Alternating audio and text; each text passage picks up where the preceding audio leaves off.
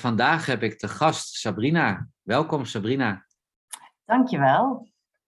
En jouw achternaam, het was even speuren op de site, was uh, zeg maar gewoon Sabrina Schepers. En ik was op jouw site aan het kijken en ik werd eigenlijk meteen getriggerd door de eerste zin die daar stond. Misschien was het ook wel de tweede, maar in ieder geval dik gedrukt, natuurlijk vrouw zijn. He, want je hebt, een, uh, je hebt een praktijk en een beetje een opleidingscentrum, als ik goed heb begrepen, van Ita Vita. Ja. Ja, ik, toen was, en toen dacht ik van wie is Sabrina en wat doet ze precies? Ja. Um, ja, heel fijn dat je daarbij uitgekomen bent en dat ik hier even mijn verhaal mag vertellen. Um, het is misschien het makkelijkste als ik helemaal bij, bij het begin begin, om even te kaderen van, van waar komt dat, hè? Dat, dat, dat natuurlijk vrouw zijn. Um, ik heb een achtergrond in de farmacie. Ik heb bijna twaalf jaar in een apothekersteam meegedraaid. En in het begin had ik daar helemaal geen problemen mee, met die visie op gezondheid. Maar ja, hoe langer dat ik daar werkte, hoe meer dat dat begon te botsen met iets ja, hoe moet ik het zeggen, intuïtie in mij van klopt dit? Is, is dit nu echt gezondheid? Want zo voelde het helemaal niet meer aan. En dan ben ik beginnen bijscholen. Um, en dan gaat er een wereld open natuurlijk. Um, en ja, dat was prachtig, wat daar open ging aan, aan, een bron van informatie. Informatie over hoe kunt je je lichaam um, ondersteunen via voeding, welke voedingssupplementen zijn er, maar ook dat stukje van oké, goed, een, een lichamelijke klacht is nooit zomaar een lichamelijke klacht. Er zit altijd eigenlijk een, een emotie achter of een onverwerkt trauma achter. En als je naar werkelijke heling wil gaan, dan is dat het stukje waar je ook moet kunnen oppakken. Um, dus goed, ik heb dat een aantal jaren gecombineerd. Um, maar dat ging maar tot op een bepaald punt. toen had ik echt zoiets van, goed, ik moet het helemaal in de wereld gaan zetten. Wat wil ik dan in de wereld gaan zetten? Wat heeft mij in al die jaren het meest um, getriggerd? En dat waren dan al die vrouwen met hun hormonale klachten. Want als die naar de huisarts gingen, en die kwamen dan bij ons in de apotheek met hun voorschriftje. Wat stond daar altijd op? Een of andere pil. En als die pil niet werkte, dan werd er gekeken naar nog een crèmepje erbij of eventueel naar een spiraal. Um, absurde verhalen van nee, er is niks meer, mijn uh, baarmoeder moet eruit. En nou, ik heb daar heel vaak gestaan met grote ogen van dit kan nu toch niet zijn, dat er, dat er niks meer is, dat wij als vrouw dat gewoon moeten ondergaan. En dat als het pilletje ons niet kan redden, ja, dan is het einde verhaal van onze vrouwelijkheid. Ja, dat was het stukje waarop dat ik zoiets had van, nee, dat, dat kan niet. Er is zoveel meer wat we kunnen doen um, voor die vrouwen. En, en dat wil ik helemaal tot in, ja, in het detail gaan, gaan bestuderen. En dan kijken hoe kan ik dat op een concrete manier in de wereld gaan zetten. Dat dat makkelijk opgepikt kan worden. En dan is Ita Vita ontstaan en, en Ita Vita staat in C voor, ja, zo, zo zit het leven in elkaar. Hè? Zo zit het leven, ja, dit zijn de mechanismes achter het leven. Um, wat doe ik in mijn praktijk?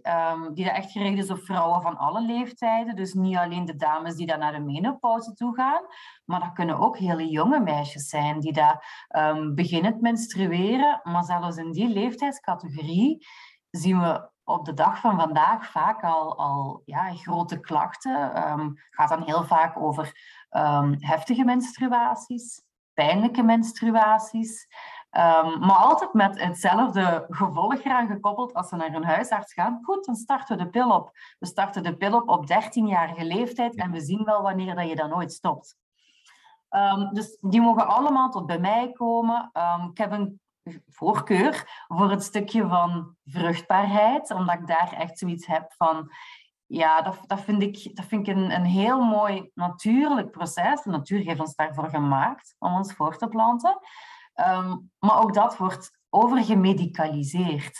Als het niet meteen lukt, komt er heel veel druk bij te kijken. Um, komt er ook een soort van ongeduld bij. Weer al, als de arts erbij komt, dan wordt dat in, in, in trajecten gegoten. In, in een kunstmatige inseminatie, in een IVF-traject.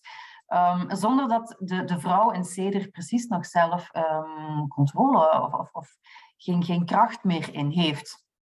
Dus ehm, dat, daar heb ik mijn specialisatie van gemaakt. Ehm, hoe begeleid ik mijn vrouwen? Ik ga altijd aan de slag met de basis. Dat is de voeding. Wat steekt je in je lichaam? Want dat bepaalt wel ook de kwaliteit van, van het lichaam van, van morgen en van overmorgen.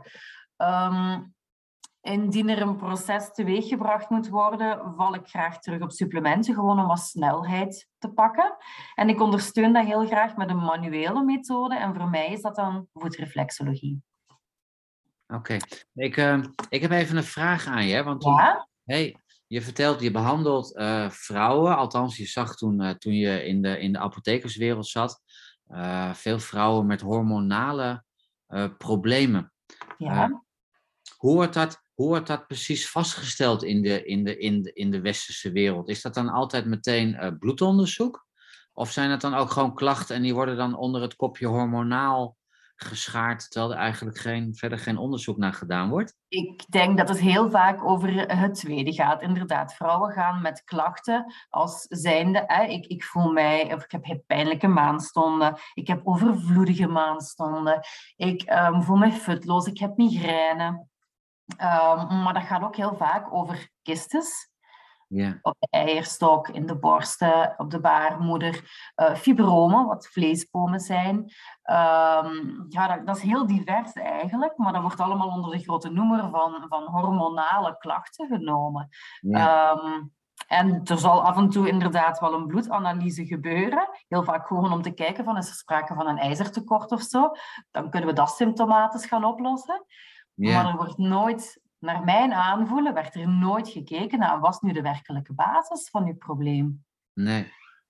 Want er zit wel altijd ergens in het lichaam een onderliggend ander probleem. Wat, Die hormonale klachten zijn maar een uiting van iets anders. Ja, nou, dat is wel grappig, want dat is wel heel erg Chinees wat je nu zegt. in de Chinese geneeskunde kijken we eigenlijk altijd naar de eerste 14 dagen. Dat is maar gewoon de, de periode net na de menstruatie, begin van de menstruatie tot aan de ovulatie. Laten we even, als, als alles goed gaat, de veertiende dag ongeveer. Ja. en dat noemen we dan de yin-fase. En daarna de vijftiende dag tot de 28e dag is dan eigenlijk de yang-fase. en daarin ga je in die zin eigenlijk zeg maar, gaan onderzoeken of er een bepaald uh, probleem speelt. en dat doe je dan middels, uh, ja, zeg maar, middels uitvragen. Maar ja, wij nemen eigenlijk het woord hormoon eigenlijk nauwelijks, uh, nauwelijks in de mond, mhm. omdat dat zo'n ja, zo'n breed, groot ehm, ja, spectrum is. Want ik heb ook veel vrouwen die bij mij in de praktijk dan komen en die zeggen, ja goed, heeft u last van? Ja, hormonale problemen. Nou, dan mm. moet ik dus eerst eigenlijk, eigenlijk achterhalen van, ja, wat zijn dan de specifieke... Wat zijn de specifieke symptomen die optreden en, hè, en wat is dan, ja, zeg maar gewoon met name je klacht. En dan vertel jij dat ze, ehm, ja, zeg maar gewoon de pil krijgen of ze krijgen een uh, hoe noem je dat ook alweer? Ik ben even de naam kwijt. Een spiraal? Dat was het, ja. ik had wel de vorm voor mijn ogen. Ja, een hormonaal spiraal. ik zit midden, in de, midden, ook midden in de verhuizing, dus mijn geest is, is helemaal gewoon een beetje overbelast. Uh, en in, in, de, in de Chinese geneeskunde is dat, is dat met name uh, lever-qi-stagnatie veroorzakend. Dus de stroom, de vrije stroom van lever-qi uh, stopt. Ja. En, dat, en dat is eigenlijk een heel gek mechanisme. Um, je gaat levertiestagnatie veroorzaken, waaruit die zich bij de vrouw in de kleinste luovaten. En waar zitten de kleinste luovaten van de vrouw? Die zitten in de borst. Dus als je dat door gaat redeneren, en het is niet altijd zo van het is zo, want er zijn natuurlijk meerdere oorzaken, maar zou, ja, zou je kunnen zeggen dat het mogelijk zou zijn dat het gebruik van de pil een medeoorzaak zou kunnen zijn van uh, de knobbeltjes en bobbeltjes in, in de borsten van, hè, van vrouwen. Ja, ja. Uh, ja, wat ik daar nog als mooie toevoeging misschien aan kan, kan meegeven, is als jij praat over, over leverstagnatie, um, dan denk ik onmiddellijk aan, aan een van de grote factoren. Als wij wel praten over hormonen, dan gaat het heel vaak bij uh, vrouwelijke hormonale klachten over oestrogeendominantie. Ik weet niet of die term jou bekend is. Ja, dat is, uh, dat is ja. uh, gewoon het oestrogeen is, is de yin fase van de, van de menstruatie. Ja, en het draait eigenlijk uh, voor een heel groot stuk over de, de verhouding tussen oestrogeen en progesteron. Ja, en progesteron is bij ons de tweede fase. Ja, Althans, inderdaad. de 15e dag tot en met de 28e dag. Ja, Um, maar voor de lever is een heel belangrijke rol weggelegd, namelijk het metaboliseren van de gebruikte hormonen. Dus als die oestrogenen hun functie hebben uitgeoefend, dan moeten die geëlimineerd worden in het lichaam. Ja. En welk orgaan is daarvoor verantwoordelijk? Dat is die lever. En die lever die, die heeft heel veel functies natuurlijk. Hè. Um, die moet van alles gaan omzetten, die moet van alles wateroplosbaar gaan maken, zodat het lichaam dat kan elimineren. En hoe meer um, stoorfactoren dat er zitten, um, als je begrijpt wat ik bedoel, hoe minder dat hij zich kan bezighouden met zijn, met zijn kernzaak. Um, en wat gebeurt er dan? Dan kunnen er wel een aantal vervelende complicaties gebeuren, want dan kan er een tussenvorm ontstaan van oestrogeen, een metaboliet. En die krijgen sommige vrouwen niet geëlimineerd omdat ze onvoldoende uh, cofactoren in hun lever aanwezig hebben. Ja. En die storende metabolieten die kunnen nog reactiever zijn dan het oorspronkelijke oestrogeen. Ja, ik krijg even een mooie westerse uitleg van levertiestagnatie, want levertiestagnatie is echt een Chinese term. Ja. ja. ja. Wat, wat is precies metaboliet? Een metaboliet is dus, ja, je vertrekt van, van je oorspronkelijke oestrogeen. Daar zitten uh, verschillende fases in die lever. En na een eerste um, detoxificatiefase in de lever kunnen er drie verschillende oestrogeen-metabolieten ontstaan. Um, de 2-hydroxy, die daar gunstig is, de 4-hydroxy-oestrogeen en de 16-hydroxy-oestrogeen. En ik zei het al, die gunstige, die wil je op zich wel bekomen, maar het zijn vooral die 4-hydroxy en die 16-hydroxy die dat wij labelen als zijnde, ja, die kunnen echt wel die oestrogeendominantie in de hand gaan wekken, omdat je de, de verhouding tussen oestrogeen en progesteron op die manier uit elkaar trekt. En daar reageert een vrouwelijk lichaam niet goed op. Het is de bedoeling om die oestrogenen in de, in de urine en in de stoelgang te krijgen. Maar dat lukt op dat moment niet, omdat die lever belast is met andere zaken. Ja, dus je krijgt de opstapeling eigenlijk van ja, voilà. toxiciteit. Ja, voilà. Ja. ja. ja en er zijn wel een aantal manieren om dat natuurlijk te gaan ondersteunen. Ja, ik vind natuurlijk de basis, ga eerst kijken waarom het die lever gestoord is. Maar daarnaast zijn ook al heel veel vrouwen geholpen met um, de reacties een beetje te helpen sturen in de lever. Je kan echt ervoor zorgen dat er zoveel mogelijk van die 2-hydroxy ontstaat, ten nadele van die twee storende vormen. En een heel belangrijk stofje daarvoor is diindolylmethaan. Um, en dat zit in broccoli. Ja. Dus heb je misschien al ooit van gehoord, van dat broccoli-extract eigenlijk perfect mogelijk om broccoli te eten. Hè? En andere kolen zit dat ook wel een beetje in verwerkt, maar vooral in die, in die broccoli of broccolikiemen. Mm die helpen onze lever echt om zoveel mogelijk van dat oestrogeen in de juiste richting te gaan afbreken. En dan in een tweede fase, want dan is het nog altijd niet wateroplosbaar, dan kan je het nog altijd niet uitplassen. Dan moet het nog in een tweede fase um, moet er nog een, een, een, ja, een proces gebeuren en daar heb je B-vitamines voor nodig. En ook heel veel vrouwen hebben een tekort aan B-vitamines. En die zitten in? Uh, ja, die kan je eigenlijk, als jij goed gevarieerd groente eet, dan, dan haal je dat waarschijnlijk wel voldoende op. Maar die B12 is dan weer wat meer gekoppeld aan ja, het, het, uh, het niet-plantaardige. Hè, moet je gaan halen uit dierlijke producten. Ja. Uh, ja. ja. Maar als jij dan zegt, ik heb uh, eh, B12 nodig, dan heb je ook de intrinsic factor nodig. Die kan soms ook wel afwezig zijn natuurlijk in het lichaam. Ja, absoluut. En dan heb je ook een goed maagzuur nodig. Ja. ja. ja. Als je, hè, want jij geeft ook voedingssupplementen. Ja. Als iemands verteringssysteem dan niet goed werkt. Ik heb altijd het idee dat, um, um, hè, want je kan pillen of uh, zeg maar gewoon zoals ik in mijn eigen vakgebied, kan ik iemand kruiden geven, zodat ik die lever kan uh, zeg maar gewoon ontgiften. Of dat ik die levertiestagnatie kan opheffen. Maar als ik dat iemand uh, geef en dat moet door zijn verteringsstelsel heen, dan moet zijn verteringsstelsel wel goed werken. In de Chinese geneeskunde zie je heel vaak, dat noemen we hout valt aarde aan. Dan is het houtelement, dan is de lever gestrest. En dan is het mild element, het, het verteringssysteem, is verzwakt. Ga je dan ook, of ook, ga je dan bezig met om eerst het verteringssysteem te verbeteren, want anders komt het niet aan. Want er zijn ik heb wel heel vaak mensen die komen dan bij mij en die hebben allemaal van die potten mee. Ah, ik heb dit meegekregen, ik heb dit meegekregen. En dan kapitaal schijnt dat dan te zijn aan, aan voedingssupplementen, maar het werkt niet. Uh, dan zeg ik, nou eigenlijk werkt het wel, maar jouw verteringssysteem weet er geen raad mee. Hè? Dat is een hele andere, een hele andere invalshoek. Maar, maar mijn vraag, ga je dan bezig eerst met het verteringssysteem? Ja, um, dat is een hele goede vraag trouwens. Hè? Want inderdaad, um, voedingssupplementen kosten geld. En ik vind het vreselijk om, om iets aan te raden aan, aan klanten als ik op voorhand al weet van oei, ik heb twijfels bij, mijn op, bij de opname. Um, ik doe voordat klanten bij mij komen, of in het eerste gesprek, is eigenlijk een heel uitvoerig um, intakegesprek om net daar zicht op te krijgen. Um, hoe, hoe, loopt dat bij jou? Wat, wat, eet je? En hoe loopt dat dan? Hoe vaak maak je stoelgang aan? Hoe ziet die stoelgang eruit?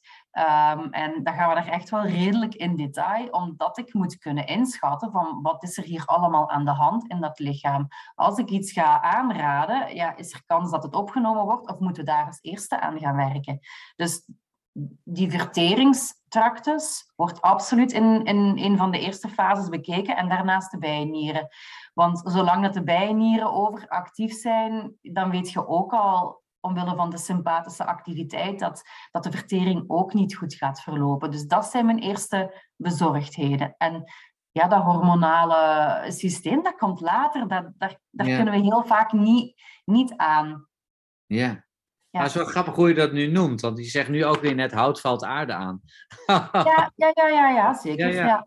Ja, ja. Alleen, alleen, dan in de, alleen dan in de andere term. Ja. Bij ons op de opleiding altijd zo dat uh, dat hoorde ik laatst weer van een, uh, van een student. En die zei, ja, dan hebben wij uh, westerse medische bijscholing hebben we dan. En dan zegt die docent, ik ga het nu even heel stiekem in het Chinees vertellen. Hè, maar zeg maar gewoon niet verder vertellen hoor, want we zijn bezig met westerse medisch. En dan denk ik, oh wat zonde, want het is juist zo mooi om het, om het, om het, om het tegelijkertijd eigenlijk zeg maar, te leren, die beide, die beide zienswijzes. Want dan kan je veel makkelijker eigenlijk je een vertaalslag maken. Ja. hey, maar jij noemde net al een heel klein beetje je, um, je diagnose. Hè, want, want, want de cliënt komt binnen. Hè, nou is TCM Lover um, hè, is een, uh, zeg maar een online site waarbij we met name ook de diagnose doornemen van hoe mm gaat het precies. Stel, ik weet niet of een man er bij jou terecht, maar stel dat ik een vrouw zou zijn en ik kom bij jou in de praktijk. Ja. ik kom met een, met, met een klacht, met een hevige menstruatie. Hoe ga jij dat uitvragen? Ja, um, dus uh, we boeken al sowieso een eerste gesprek in. Hè? Maar voorafgaand aan dat eerste gesprek vindt er nog iets anders plaats. Namelijk, ik werk met een, een online, een, een digitaal intakeformulier. Dat stuur ik vooruit. Dat is best wel een lange vragenlijst. Hè. Dat gaat dan, wat ik juist al zei, dat gaat voor een stukje over voeding. Dat gaat een stukje over hoe gaat die vertering. Uh, maar ook oh, wat kan ik emotioneel al, al ja, uit, uit die persoon gaan halen nog voordat die bij mij is. En ik ga daar al mee aan de slag. Ik ga al voor een stukje vanuit de theorie dan kijken welke linken vind ik al en waar ga ik vooral op moeten gaan doorvragen. Dus ik bereid eigenlijk mijn eerste gesprek voor. Ja. Um, dan komt de cliënt tot bij mij en dat is een gesprek van ongeveer, ja, daar neem ik mijn tijd voor, anderhalf uur. Um, en ik hoef, omdat ik dat online uh, intakeformulier al heb laten invullen, hoef ik niet meer zo door al de, de grote vragen. Ik, ik kan al onmiddellijk in detail gaan, waardoor we ook echt wel diep kunnen gaan. Dan gaan we dus kijken van goed, waar zit de werkelijke kern van het probleem? Um, dan ga ik een beetje moeten polsen van in welke mate staat mijn cliënt open voor een sessie voetreflexologie. Want ook uit een sessie voetreflexologie kan ik heel veel um, ja, diagnostische informatie halen over functie van organen. Ehm, over de activatie van, van, van het sympathische zenuwstelsel, of net of als het parasympathische zenuwstelsel moet geactiveerd worden. Indien ik het nodig vind, um, verwijs ik naar een arts voor een bloedanalyse. Um, indien het nodig is, kan ik terugvallen op urinetesten om te gaan kijken naar die, die oestrogeenmetabolieten. Als ik wil weten van, ja, wat, wat, wat gebeurt er in dat lichaam hier voor mij? Maar dat is zeker niet iets wat ik onmiddellijk wil inzetten.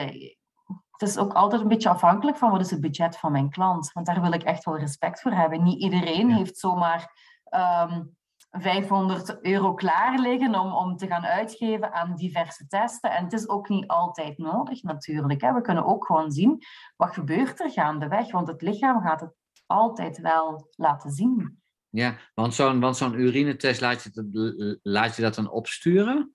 Ja, want ik, wil, ja. want, ik, want ik ken verder alleen maar die strips om die pH-waarde vast te stellen. Ah, nee, nee. nee. Dat... dat... is echt een, uh, een collecte, die, die gebeurt thuis natuurlijk.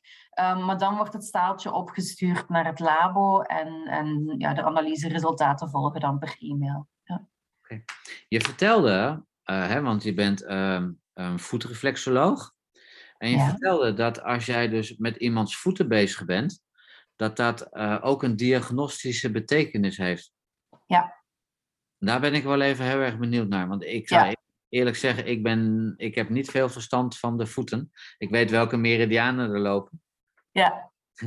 Kan ja, kan je, kijk, uit die meridianen, uit de activiteit van de meridianen, kan jij waarschijnlijk ook al wel een, een vorm van diagnose halen. Ah, wel, in die voeten komen ook uh, een, een, deel meridianen terug.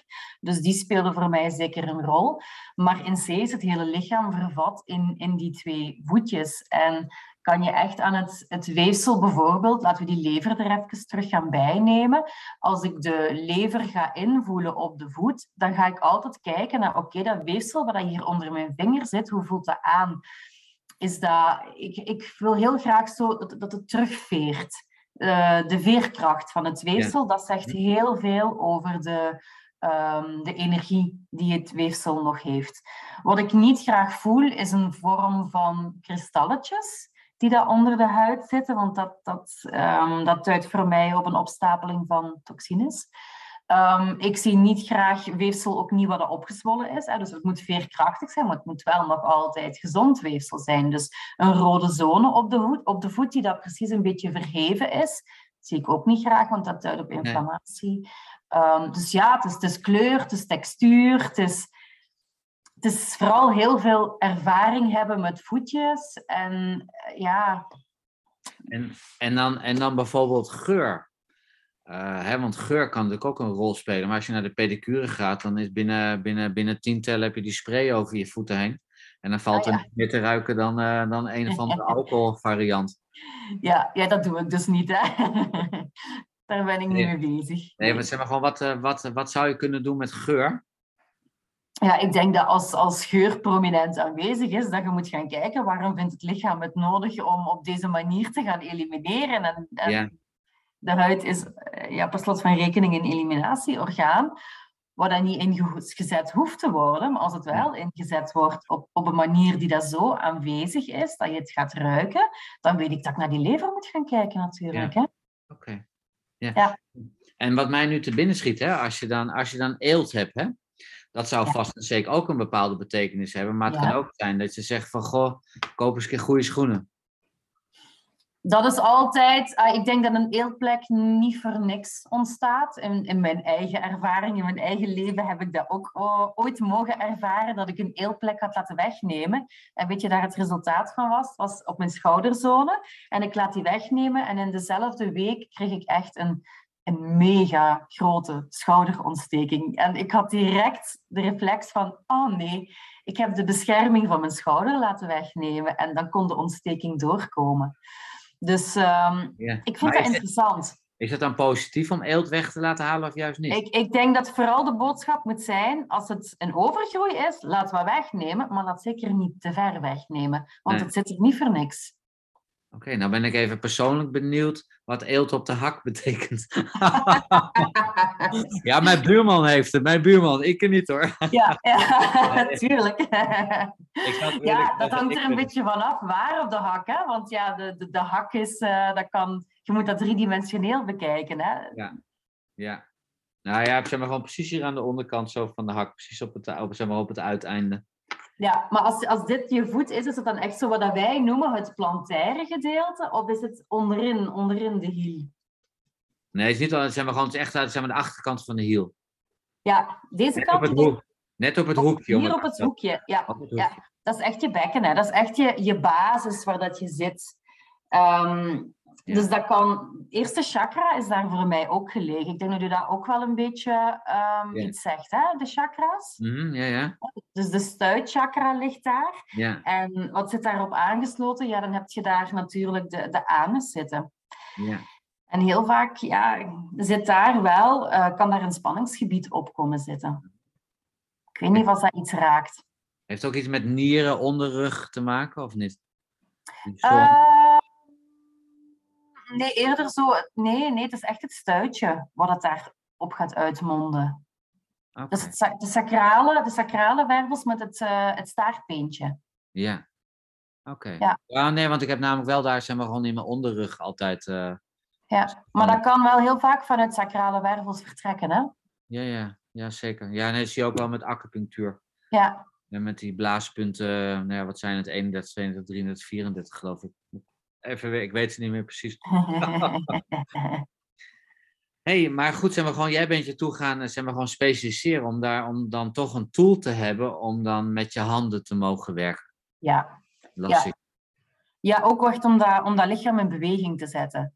Uh, ja. Gebruik dat echt niet alleen maar als, als diagnostische, als diagnostische tool. Amai zeg, ik val over mijn woorden. Misschien nog een slokje drinken. Um, maar ik gebruik het um, vooral ook tegelijkertijd eigenlijk al. Ik ga voelen, wat is er te voelen? Maar vooral ook, dan gaan we het in beweging zetten. Want dat, ja, dat is het mooie van voetreflexologie. Um, dat je de reflectie van de voeten kan gebruiken om het, in het van het micro naar het macro lichaam te trekken, zal ik het zo maar zeggen. Hè? Ja. Dus van het moment dat ik um, die kristalletjes die ik daar straks aan het beschrijven was, dat ik die voel, dan gaan we daar even op proberen in te werken. Um, vooral naar de gal toe bijvoorbeeld, op levergebied, zodat de lever het, het ondersteund wordt in zijn functie om die toxines te gaan elimineren. Ja. Op die manier ja, dat is heel uitgebreid. En wat je me nu vraagt om zo eens in de notendop uit te leggen wat dat voetreflexologie is, maar wat we ook zeker en vast gaan doen op het gebied van die organen, is de wervelkolom gaan um, bewerken. Want er bestaat zoiets als segmentale verschijnselen. Ik weet niet of je daar ooit van hebt gehoord. Nou, leg Ja, graag uit. Ik zal het je uitleggen. Dus um, bijvoorbeeld, we gaan weer even terug naar onze lever. Als die lever onder spanning staat, dan gaat ook altijd de bijhorende zenuw onder spanning staan. En ook de bijhorende wervel onder spanning staan. En door op die wervel te gaan inwerken, op de zone van de wervelkolom op de voet, dat zit eigenlijk aan de, de binnenzijde van de voet, Ja. als we daarop gaan ehm, werken, met dus ja, door druk te zetten, zal ik maar zeggen, dan gaan we de wervel gaan beïnvloeden, maar we gaan ook zeker en vast die lever gaan beïnvloeden in zijn functie. Dus we gaan, als die ehm, het moeilijk heeft, gaan we daar balans creëren. Want Ja. we gaan ervan uit in de voetreflexologie, en ik denk in, in heel veel van de, de, de holistische behandelmethodes, dat het, het lichaam is zelfgenezend. Mhm. Maar af en toe moet het gewoon even eraan herinnerd worden dat er een bepaald front een rood lampje brandt of zo. En, en dat is wat we eigenlijk gaan opsporen in de voetreflexologie. Waar zitten die rode lampjes? Waar is er werk in het lichaam? En daar gaan we het lichaam eventjes aan helpen denken. Zodat het Ja. zelf terug Ja. um, in balans kan komen. En dan ga jij manipuleren met je duimen of met je handen. Is dat nog een bepaalde linksom of een bepaalde rechtsom beweging? Oh nee, nee, dat is echt heel, ehm, heel afhankelijk. Ehm, dat is niet dat dat in één bepaalde richting moet gebeuren. Mhm. Ehm, dat is hoe dat ik zelf de druk kan zetten en welke druk dat er vooral mag gezet worden. Want de cliënt blijft de baas. Hè? Dat kan op bepaalde zones pijnlijk zijn. heel scherp zijn als, het, eh, als, het, ja, als er een grote onbalans zit. Dan, dan kan het, amai, uh, ooit echt serieus pijnlijk zijn voor de cliënt. Dus dan pas ik mij vooral aan. Want um, wat ik zeker niet wil, is dat mijn cliënt schakelt van ontspanning. Want dat zou, het, dat zou moeten primeren tijdens een sessie voetreflexologie. Het parasympathisch zenuwstelsel moet getriggerd worden. Uh, moet gestimuleerd worden. En ik wil vooral voorkomen dat zij, omdat het te pijnlijk is, gaan schakelen naar sympathische activiteit. En dat, dat is een balans die ik wel constant in de gaten moet houden. Er zijn een aantal signalen voor wanneer dat, dat gebeurt. Um, dus dat, dat moet in alle tijden ja, voorkomen worden. Ja, jij zegt eigenlijk als je een cliënt te veel pijn doet tijdens de behandeling, uh, dat je dan eigenlijk pijnreflexen krijgt in het lichaam. Ja, ja. Ja. ja, en dan worden de bijnieren weer geactiveerd en ja, dat hebben ze dat genoeg. Wel, ja, maar dat is op zich wel boeiend wat je zegt. Zo heb ik er zelf nog nooit over nagedacht. Want een, een, een massagevorm in de Chinese geneeskunde is twina, dat is duw en trek. En als iemand dan bijvoorbeeld onderrugklachten heeft, dan heb je vaak hele pijnlijke plekken op de bil. En daar wordt dan de elleboog ingezet. En dat gaat dan best wel hard. Mm Maar eigenlijk zou je dan zeggen, dan zet je zeg maar, gewoon die, uh, zeg maar, het pijncentrum activeer je en dan krijg je hormonen. Die worden vrijgegeven. Ja, ja het, is, het is maar, ik denk wel dat soms die prikkel op zijn plaats is. Ik zeg niet dat dat nooit mag gebeuren, hè? Die, die activatie en, en die, die, pijn, dat die pijnprikkel er nooit mag zijn. Ik denk dat die absoluut zijn plaats heeft. Maar dat je moet kijken van wat. Want ik, ik pas hem ook toe, hè? maar ik wil vooral niet dat ze erin blijven hangen. Ja. Kortstondig. En dan moeten we terug, ja, dan moeten we vooral terug gaan schakelen naar ontspanning. Ja. Maar het komt misschien ook wel een beetje neer op als iemand leeg is of weinig energie hebt, dat je daar dan sowieso voorzichtig mee mag zijn. Ja. Om dat hele pijncentrum aan te zetten, omdat diegene juist meer uh, behoefte heeft aan rust en aan uh, toevoeging van energie. Ja, ja maar bij dat. Alle alarmbellen aangaan. Ja, dat type cliënten, hè, laten we dan even zo de, de term van, van burn-out daar misschien opplakken. Um, dat zijn cliënten die daar inderdaad in die eerste sessies met ja, enorm veel voorzichtigheid moeten um, benaderd worden. Daar, daar ja, is, is het heel snel te veel. Um, dat is allemaal heel spannend voor hun. En daar moet je eerst een vorm van vertrouwen winnen. En, en dan pas komt dat tweede stukje aan bod van, van echt balans brengen. En moeilijke zones gaan, gaan um, aanraken en bewerken. In eerste instantie is het gewoon puur, puur ontspanning creëren. Ja, oké. Um, we begonnen deze webinar met natuurlijk vrouw zijn. En dan uh, met name natuurlijk denk ik op een natuurlijke manier. En dan werk je natuurlijk op een gegeven moment met voedingssupplementen. Ik ben zelf herbalist. Um, ik heb soms geen idee waar die kruiden vandaan komen. Natuurlijk vertrouw ik op het certificaat wat eraan gegeven wordt door de ja. importeur. Of de, hè, door de leverancier. Dat lijkt me soms ook nog best wel lastig. Ja. Wat, ik... gewoon, hoe weet jij waar, waar het tegenwoordig waar het vandaan komt? Ik werk um, met een aantal firma's samen, um, van wie dat ik wel um, denk dat ze dat op een correcte manier doen. Hè? Dus ik, ik, ga nooit tegen mijn cliënten zeggen, um, bijvoorbeeld, ja, ga maar ergens een ashwagandha zoeken en dat ze bij gevolg misschien ergens in het kruidvat of zo een ashwagandha gaan kopen. Dat wil ik niet. Dus ik ga echt wel heel specifiek zeggen van, um, van dat merk wil ik dat je de ashwagandha koopt. Ja. Um, ja, en dat is natuurlijk ook een beetje weer die ervaring waarvan ik weet, ja, elk merk heeft zijn um, toppers. Ja. En ook zijn, zijn minder goede producten. Dus dat is dan aan mij om, om te gaan kijken, ja, welke firma heeft wat en waar zijn zij echt goed in? En wat haal ik misschien beter bij een andere firma? Ja, ja het lijkt me lastig, omdat tegenwoordig hè, weet je natuurlijk niet de werkzame stoffen. Etiketten zijn slecht leesbaar. Althans, met name voor de mensen die niet, uh, die niet uh, ingevoerd zijn hè, in, die, in, die, in die materie. Ja.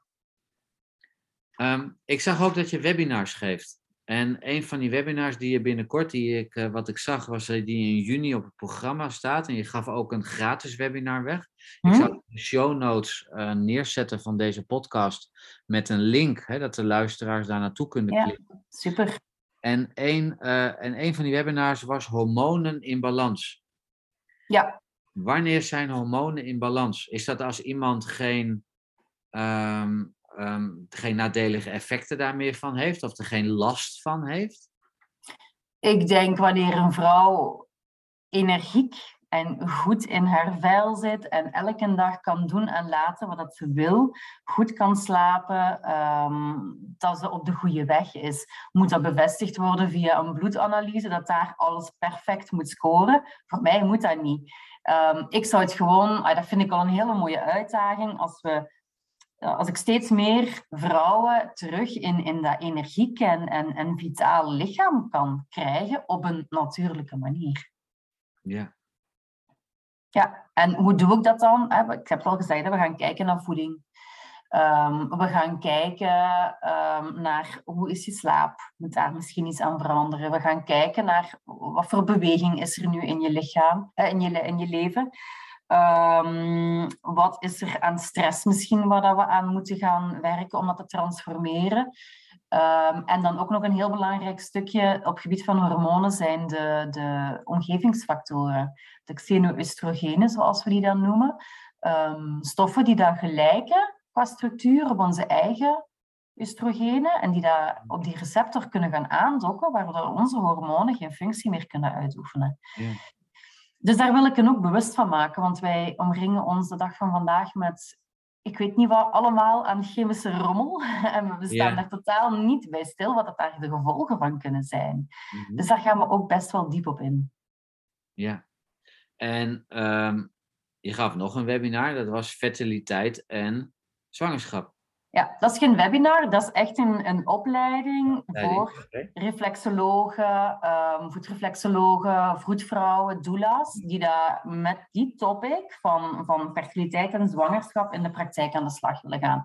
Dus dat is niet zomaar voor iedereen, dat is echt wel heel specifiek. Maar dat is een live, dat gaat, is echt een live opleiding. Um, die dat ik in België, in Limburg geef, um, in Vlaams-Brabant en in september ook in Nederland. Um, bij Total Health in Breda komt fertiliteit ook aan bod. Ja. Ga, ik in, ga ik in de show notes zetten. Ik weet nog dat, er, dat ik ooit eens een keer een boek heb gelezen. Dat ging over bepaalde stammen, bepaalde bevolkingsgroep in uh, Zuid-Amerika. Die werden dan uh, ontdekt als, zijn, als een nieuwe stam. En in die cultuur was, uh, als een vrouw menopauze had, was een wijze vrouw. Mm We hadden daar dus ook geen last van. Ja, absoluut. Kan ik helemaal geloven. Terwijl wij hier in Nederland, daar, of eh, goed in het Westen, laat ik zo zeggen, het etiket op hebben geplakt. Als je menopauze krijgt, dan uh, als het ware je eind van je leven bijna. Hè? Dan kan je achter je geranium gaan zitten.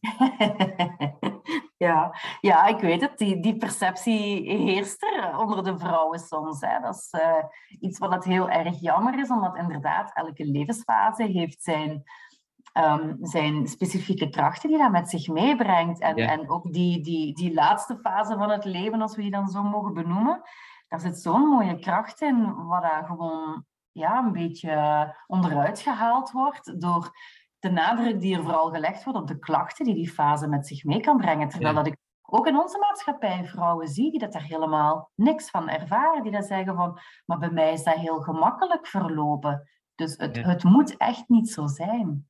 Nee. en ik denk dat je meer kans hebt om um, geen klachten te ervaren in die latere fase als je op tijd eraan begint te werken als er al minimale klachten zijn in de periode van de, ja, ik noem die dan de perimenopauze. Ik heb vandaag een nieuwsbrief uitgestuurd en um, het thema was um, perimenopauze. Weet je wat dat is? Um, zodat vrouwen eigenlijk vanaf 35 jaar begint dat een beetje te fluctueren in ons lichaam. Geraken de eicelletjes, de voorraad geraakt op.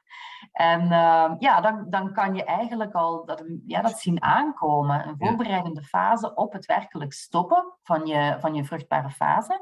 Als je dan al met klachten geconfronteerd wordt en je gaat er niet mee aan de slag, dan denk ik dat je veel meer kans hebt op ook een heftige overgang. Ja, ja. Ja, maar ja, goed, dan moet je natuurlijk wel de kunst hebben om je eigen, je eigen lichaam te voelen, te kennen. Ja, dat is de kunst. En dat is iets waar wij heel ver van afstaan als, als vrouw, denk ik. Want we worden vooral heel erg benaderd langs de rationele kant altijd. En het stukje van voelen en wat voelt je nu werkelijk. Dat zie ik heel vaak in mijn, in mijn praktijk, dat dat voor vrouwen een, een, iets heel moeilijks is geworden.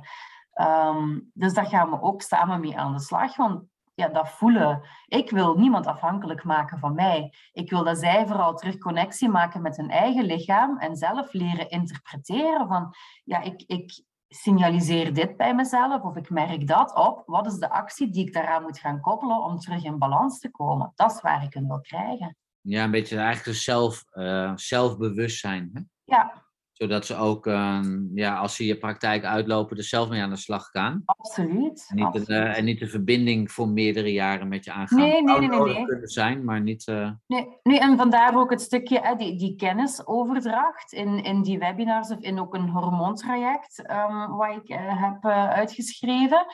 Um, ja, heel wat kennis overbrengen, omdat ik ja, die basisbiologie toch wel belangrijk vind. Je moet weten hoe je lichaam werkt. Um, zodat je er zelf mee aan de slag kunt gaan. Als jij gewoon raadgevingen gaat volgen van mij, omdat ik zeg dat je dat moet doen, dan snap je het niet waarom. Hè? En dan is de motivatie ook naar van hand. Um, dus ik vind dat wel belangrijk dat ze weten hoe dat hun lichaam functioneert. Ja, ja. Verder zag ik dat, jij een, uh, dat je nog een onderscheid maakte tussen jonge vrouw, vruchtbare vrouw en de wijze vrouw. Ja, die wijze vrouw is net wat ik eigenlijk al noemde, ja. de menopauze bijna. Althans, met die stammen, hè, die dat noemden dan, uh, zeg maar, gewoon wijze vrouw. Um, als je tegenwoordig naar die jonge vrouw gaat kijken, althans op het onderwijs, uh, zeg maar, gewoon in Nederland, um, ja, dan krijg je eigenlijk maar heel weinig te horen of te weten over, menstrua goed, over menstruatie, over voortplanting, seksualiteit. Mm -hmm. Dat is zeker zo. Um, wat ik daar ook vooral in mis, want ik heb zelf ook een, een tienerdochter, is het stukje dat het ja, ook oké okay is om je af en toe niet goed te voelen. Uh, ik vond het heel mooi dat jij daar straks ook die menstruele cyclus aan beschrijven was, die eerste twee weken en die laatste twee weken. Het ene stukje is yin, het andere stukje is, is yang. Bij ons, ik bekijk dat als zijnde eh, de oestrogenen domineren of het progesteron domineert, ja. maar dat brengt een volledig andere energie met zich mee. Dus meisjes met een Um, een natuurlijke cyclus, hè, dus die daar geen pil gebruiken, want van het moment dat er pilgebruik opkomt, dan is die natuurlijke cyclus weg. Hè. Die denken misschien, ik heb nog een menstruatie, ja. maar dat is geen echte menstruatie natuurlijk. Hè. Um, dus het beleven van die natuurlijke cyclus is heel belangrijk om te beseffen. Um, ik heb mijn piek, ik ben naar buiten gericht in die eerste twee weken en ik, ik ga eerder in een fase van reflectie, een beweging die naar binnen gekeerd is. En ja, afhankelijk van wat de periode van het eerste stukje van de cyclus was, hoe dat, dat beleefd is, um, ga je een, een PMS op het einde van je cyclus krijgen. Ken je dat, PMS? Premenstrueel ja. Ja. ja. ja. dus klachten als zijnde van ah, snoepbuien, hoofdpijn, uh, huilbuien, uh, ja, snoepgedrag, zo dat soort zaken allemaal. Het is altijd de bedoeling dat als dat heel fel aanwezig is in het leven van een jong meisje, dat ze gaan leren reflecteren. Dat wil iets zeggen over wat er in het begin van de cyclus aanwezig was in mijn leven. Heb ik mij toen op de juiste manier in de wereld gezet? Heb ik mijn intenties, die ik in het begin van de cyclus voor mezelf heb uitgesproken, heb ik die ook waargemaakt? Oh, dat is wel heel, uh, nou ja, ik wil niet zeggen, zeg maar gewoon filosofisch. Um, maar dat betekent dus dat jij, um, ja, nee, zeg maar filosofisch is niet het goede woord, maar dat je in het, in het begin, dus als jij net je menstruatie hebt afgerond, dat je dan op dat moment um, eventueel nieuwe doelstellingen kan ja. zetten. Ja, dat is de bedoeling. Hè? Dus nog niet zozeer tijdens die eerste dagen van die menstruatie. Die eerste dagen van die menstruatie, die, die mogen echt beleefd worden als zijnde, dat is tijd om je even volledig terug te trekken. Hè? Zo in de oude stammen, zo je terugtrekken in de rode tent. Hè? Als je het toch ja. juist had over die oude stammen, daar was dat vaak in gebruik. Dat is even volledig terugtrekken, maar van het moment dat die menstruatie ja, na vijf dagen moet die voorbij zijn, dan komt wel dat stukje op gang van die nieuwe energie. Dan voelen vrouwen zich ook heel vaak het, het meest energiek met dan de piek op de ovulatie. En dan na de ovulatie, dan begint dat weer stilletjes aan te veranderen, met dan het laagste punt in energie die week voor de menstruatie. En die week voor de menstruatie, dan eh, zeg je een lage energie? Ja. Ja, de richting naar binnen. Ja. Ja. Dat is hoe dat ik het ook als vrouw ervaar. Ja. Ja. Oké. Als ik dat even, ik ga het proberen een beetje in de Chinese context eigenlijk te zetten.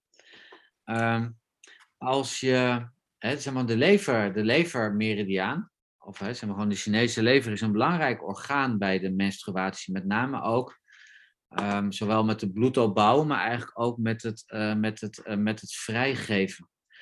Uh, dat wat jij in het begin zegt, van ook het stellen van doelen, hè, van over wat ik ga doen, hè, het stellen van doelen en een bepaalde creativiteit, hè, of zeg maar gewoon waar ga je heen, ehm, het, het naar buiten gericht zijn. Um, zie je eigenlijk ook in het houtelement. In de vijf elementen is dat, is dat ook een, hè, zitten de lever en de galblaas. Hè, die lever mm maakt plannen. En, goed, en die gaat eigenlijk wat in het waterelement eigenlijk krachtig aanwezig is, gaat die eigenlijk bijna zeg maar, gewoon ten, uh, ten uitvoer brengen. Dus dat zou ik zo zien. Hè. Dat is de opbouw en dan, dan wordt dat eitje vrijgegeven. Hè, en daarna nestelt dat in principe dan niet in, zou jij zeggen. En dat is het moment waarop je eigenlijk tot inkeer komt, tot zelfreflectie. Ja. Oké. Moet ik even over nadenken. Ja.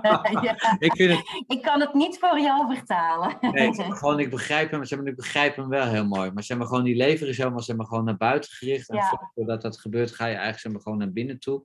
En een soort beetje van wie ben ik eigenlijk. Ja, wie ben ik? En, en ja, heb ik, heb ik het goed? heb ik mijn doelstellingen gehaald? Ja, En indien nee, hoe kan ik het in een volgende cyclus anders gaan ehm, in de wereld zetten dan? Een soort van reflectie om, om er iets uit te leren, om, om er dan op een andere manier mee aan de slag te gaan in een nieuwe cyclus. ja. En dan krijg je eigenlijk dat de bloeding zelf eigenlijk de reiniging is. Ja? Dat je het eigenlijk in, maar, in die kan zin raakt. loslaten. En als je dan de pil gebruikt en je gaat eh, doorslikken, zodat je geen menstruatie krijgt, heb je dus eigenlijk geen evaluatie. Of heb je geen, heb je geen menstruatie, maar ook geen evaluatie. Nee, nee, dan ga je echt die beweging die daar NC bij het leven hoort en die daar heel vloeiend is, ga je eigenlijk één lijn van maken. En ik denk dat we hebben toch heel veel gezien in de apotheek dat vrouwen dan ook gaan afvlakken, emotioneel. Ja, Ehm, en ook op seksueel gebied trouwens. Hè. Een pil maakt echt dat je zo die, die piek die dat bij ovulatie hoort, waar dat, oké, eh, alle hormonen pieken op dat moment, maar ook testosteron, dat, je dat, dat ga je allemaal afvlakken. ja. Dus dat, dat seksuele verlangen is vaak niet meer aanwezig bij die ja vrouw. Het is weer die levertiestagnatie. Hè? Want Ja. als, jij, als jij goed levertie gestagneerd bent, dan is je libido eh, ehm, hoogstwaarschijnlijk eh, weg. Hè? Behalve Ja. bij een man. Hè? Zeg maar gewoon een man wil graag dan juist weer ontladen, ontladen zodat hij die spanning kwijtraakt. De vrouw zegt dan, eh, nou ja, zeg maar gewoon, wacht maar even, Ja. hou je die spanning, eh, doe dat maar op een andere manier.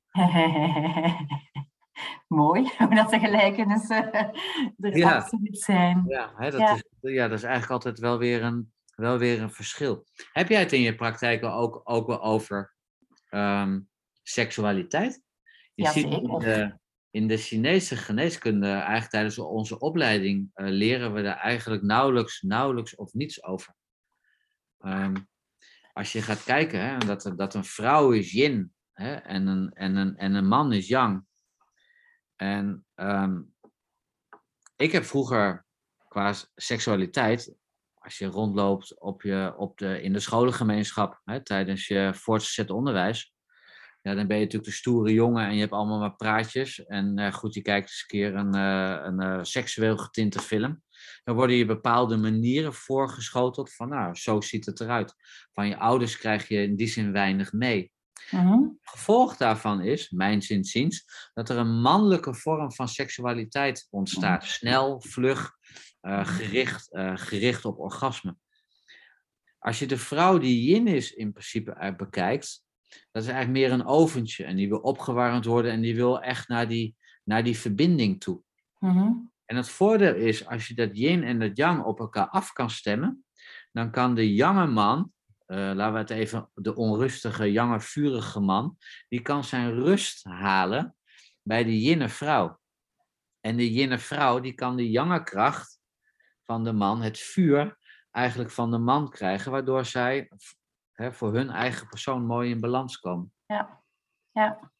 absoluut. Dat is, um, ja, dat is heel mooi verwoord. Um, dat is ook een beetje het proces, denk ik, wat wij wat we als vrouw aan het, aan het lopen zijn. Hè? We, moeten, we hebben inderdaad dat zachte stukje in ons, maar we moeten daar de mannelijke kracht aan, aan verbinden. En ja. um, ik denk dat de maatschappij op dit moment heel veel van dat soort vrouwen nodig heeft, die vanuit die zachtheid wel een bepaalde krachtentoon kunnen spreiden. En van het moment dat je als vrouw op die manier met kracht kan omgaan en dat, dat alles in je lichaam stroomt bij gevolg, dat ook die seksualiteit daar um, mee gaat openbloeien. Dus um, ja, het is echt een beetje dat, dat openbloeien wat vrouwen terug moeten leren door door in hun kracht te gaan staan, door net dat mannelijke stukje ook te gaan toevoegen. Ja, want ik wilde meteen even wel de nuancering bij plaatsen, dat ik het eh, per se, uh, niet per se heb over seksualiteit, de man en de vrouw. Mm ja, want een vrouw heeft ook beide, yin en yang in zich. Ja, dat is wat ik die zeggen. kan daardoor eigenlijk,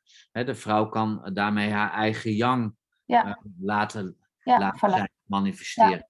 ja absoluut. En ik denk dat als man is, is natuurlijk de uitdaging de andere kant. Hè? Dat, dat jongen is meer aanwezig en bij hun is het de uitdaging om dat net op een, op een jinne manier, op een zachte manier, die kracht naar buiten te laten komen. Ja, ja. ja we zitten. Ik had, ik had vanochtend had ik, had ik ook een cliënt, een uh, zeg maar een wat oudere cliënt, en die was pas gescheiden. Eigenlijk op een leeftijd dat je denkt van dat, dat, dat verwacht je dan bijna niet meer, om maar zo te zeggen. Als je 65, 70 je denkt, ga je dan nog scheiden? Dat je echt denkt van wow, dan ben je al zo ver.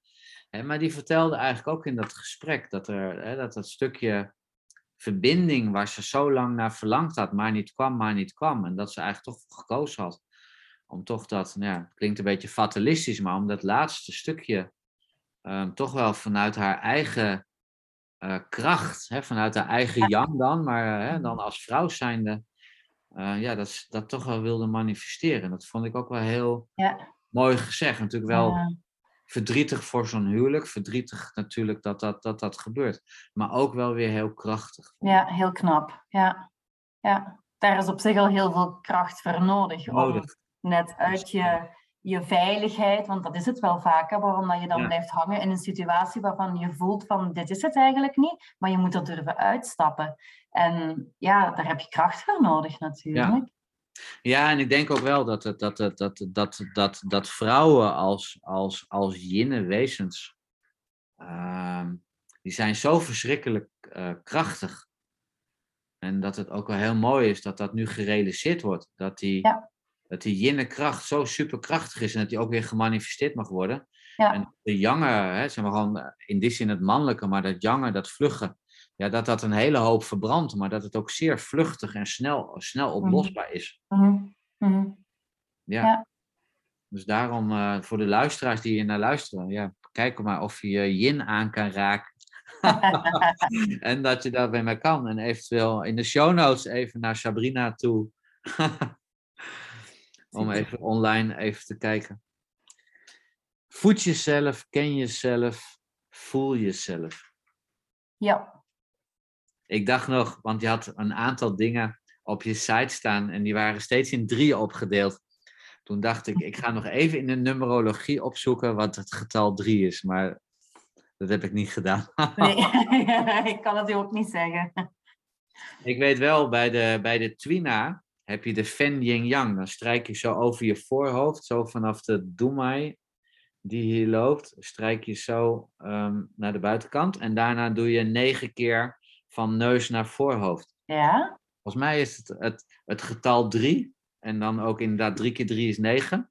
Heeft volgens mij ook iets met geluk, genezing en dat soort dingen te maken. Oh, dus mooi, kijk Ben je daar spontaan? Maar ik weet het niet zeker. Zoiets heb ik een keer opgevangen. Het is niet iets wat ik doelbewust heb gedaan. Dus, uh... Nee, want ik dacht weer 3 en dan weer 3 en dan weer 3. ja. Hey uh, Sabrina, ik uh, ga jou heel hartelijk bedanken voor dit leuke gesprek. We zeiden al in het begin, van nou, we gaan, we gaan net doen alsof we elkaar ergens in het park tegengekomen, nou samen op een bankje zitten. En dat ik dan vertellen van wie ben jij en wat doe je precies? Nou, mijn is heel goed gelukt. Oké, heel fijn dat jij tevreden bent. Ik vond het ook een hele leuke ervaring. Ja, mooi. hey, ehm, ik ga nogmaals, ik ga in de show notes um, jouw, uh, jouw Ita Vita link neerzetten. Dan kunnen de luisteraars uh, naar die webinars toe. en kijken of dat, of dat, of dat voor, hun, uh, voor hun resoneert. Ja, super. Dank je wel voor dit hele leuke gesprek. Jij ook bedankt om mij uit te nodigen. Fijn dat je luisterde naar de podcast van TCM Lover. Binnenkort hebben wij weer ons TCM weekend, namelijk op 16 en 17 juli. En dan de vrijdag, de zaterdag en de zondag. Hou dus je mail in de gaten. Het gaat in Nieuwbuinen plaatsvinden in Drenthe. Daarnaast start binnenkort ook onze ademopleiding. Twee weekenden ga jij bezig met een ademtraining Waarbij je zelf een emotionele ontwikkeling door gaat maken. Dat je los gaat maken van oude patronen die in je systeem zitten. Maar wat ook nog eens een keer belangrijk is, heel erg goed toepasbaar in jouw praktijk.